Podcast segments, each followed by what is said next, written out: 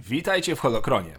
W tym odcinku zagłębimy się w mroczne i groteskowe arkany ciemnej magii Sithów, czyli lepiej poznamy zdolności tych, którzy służą ciemnej stronie mocy i którzy osiągnęli mistrzostwo w tej złowrogiej formie posługiwania się mocą.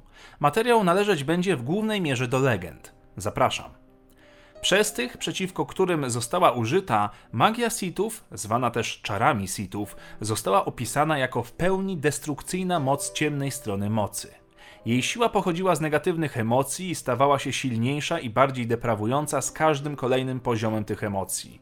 Magia Sithów była w każdym calu częścią ciemnej strony. Kiedy mroczni wygnańcy Jedi stuletniej ciemności znaleźli Korriban i podbili Sithów, włączyli magię kapłanów Kisai we własne mistrzostwo ciemnej strony. Czarownicy Sithów i późniejszych pokoleń nauczyli się łączyć swoje egzotyczne zaklęcia z tradycyjnymi talentami Sithów podczas bitwy, ale kiedy angażowali się w walkę na miecze świetlne, ci, którzy dzierżyli tę broń, często byli zmuszani dzielić swoją koncentrację między rzucaniem zaklęć a walkę na ostrza. Magia starożytnych Sithów była złożoną mocą, która atakowała psychikę jednostki w sposób trudny do zrozumienia i obrony. Tylko istoty o znacznej sile woli były w stanie oprzeć się jej psychologicznym skutkom. Odwrotnie, koncentracja czarownika Sithów mogła zostać przerwana przez użytkowników mocy biegłych w sztuce medytacji bitewnej Jedi, a ich magiczne kreacje mogły zostać cofnięte przez czyste przejawy jasnej strony mocy. Magia Sithów była inaczej postrzegana przez tych, którzy byli poddani jej mocy.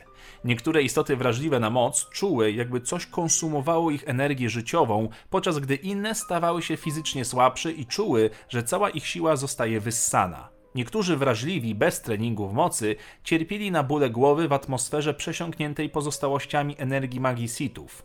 Jej moc była kusząca, a czasami manifestowała się jako muzyczny nurt, dla jednych piękny, dla innych ohydny, by zwabić niczego nie podejrzewających.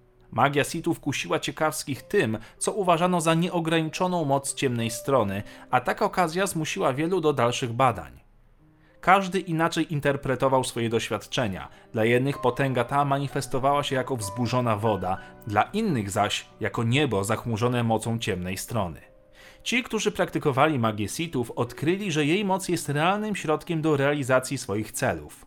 Członkowie kultu Sithów wierzyli, że są niezłomni, dopóki magia Sithów była w ich posiadaniu. Jej moc była wykorzystywana do różnych celów poprzez szereg technik, od zaklęć zmieniających umysł i rzeczywistość po moce, które bezpośrednio wpływały na świat fizyczny.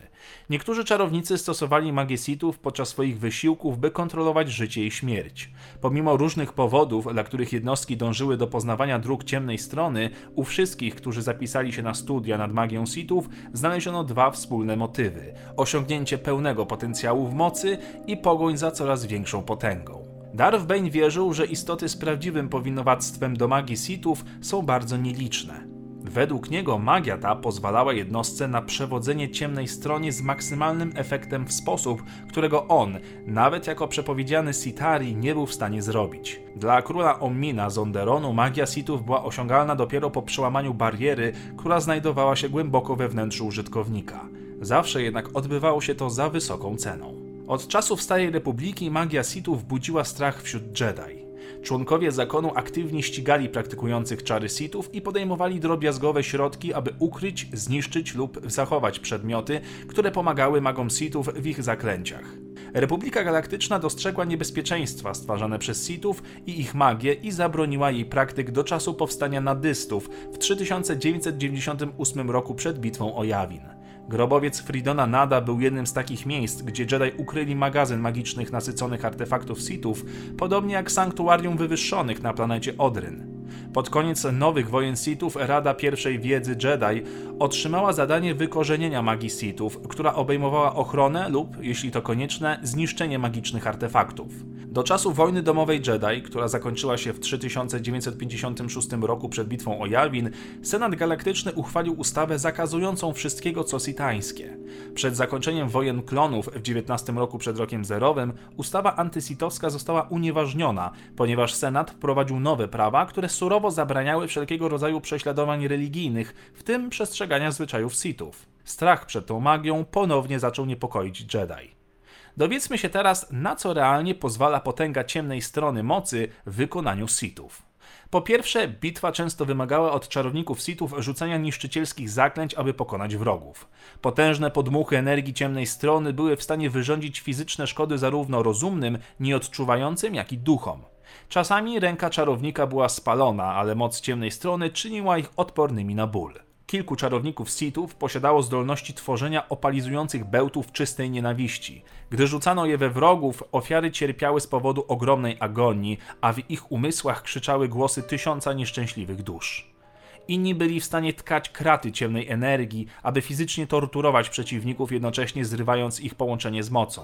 Zarówno Darth Zana, jak i Kyp Duron wykazywali jeszcze bardziej złowrogą demonstrację magii Sithów.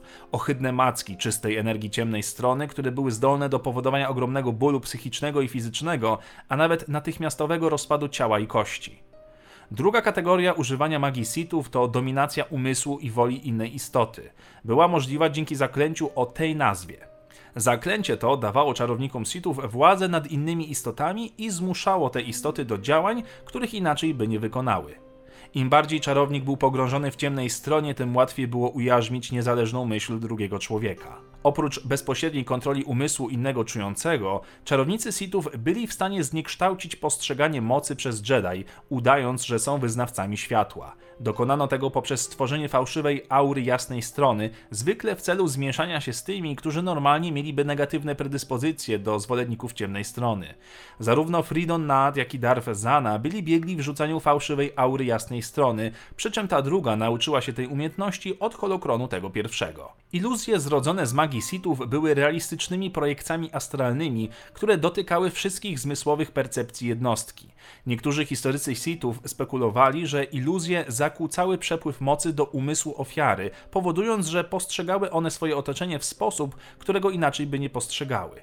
Iluzje obejmowały transformację jednego obiektu w drugi, nagłą materializację istot pozornie z powietrza, znikanie obiektów, które znajdowały się w obecności ofiary zaledwie kilka sekund wcześniej. Nawet systemy komputerowe nie były w stanie dostrzec fałszywości fantazmatycznych obrazów, co jeszcze bardziej pogłębiało konsternację tych, przeciwko którym rzucano zaklęcie.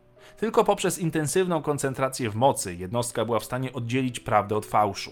Nagasado był wytrawnym iluzjonistą, podobnie jak czarodziejka Kraf Alima Kito. Oboje wykorzystywali iluzje w swoich kampaniach przeciwko Jedi i Republice.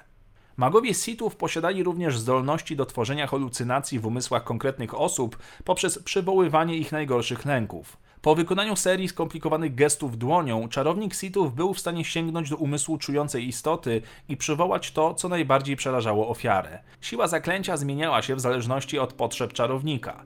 Jednak im dłużej wlewali ciemną stronę w zaklęcie, tym bardziej prawdopodobne było, że ofiara nie będzie w stanie dojść do siebie. Jednostka była w stanie przeżyć, jeśli posiadała znaczną siłę woli, chociaż jeśli nie, istniało duże prawdopodobieństwo, że ofiara popadnie w całkowitą histerię i agonię. Fridon Nad potrafił przywoływać lęki swoich wrogów, a Darth Zana również nauczyła się tego dzięki studiowaniu jego magii. Ci, którzy praktykowali magię Sithów, często wierzyli, że są bez zarzutu i nie mieli skrupułów, by naruszać świętość umysłu innej czującej istoty. Za pomocą magii Sithów czarownik był w stanie manipulować wspomnieniami innego. Ścieranie pamięci, jak je nazywano, wymazywało lub przepisywało wybrane wspomnienia dowolnego, zamierzonego celu. Inne kategorie magii Sithów to też alchemia i artefakty, o których były już odcinki. Zostają jeszcze jednak takie arkana wiedzy jak leczenie, protekcja czy nekromancja. To jednak możemy omówić w innym odcinku, jeżeli chcecie o tym posłuchać. Ja dziękuję dzisiaj za oglądanie. Pamiętajcie, by zostawić komentarz i koniecznie zajrzyjcie na mój drugi kanał o uniwersum Harry'ego Pottera pod tytułem Aperacjum. Dziękuję patronom za wsparcie przy tym projekcie od niemalże samego początku i zachęcam do zostania jednym z nich. Niech potęga magii Sithów zawsze będzie z Wami.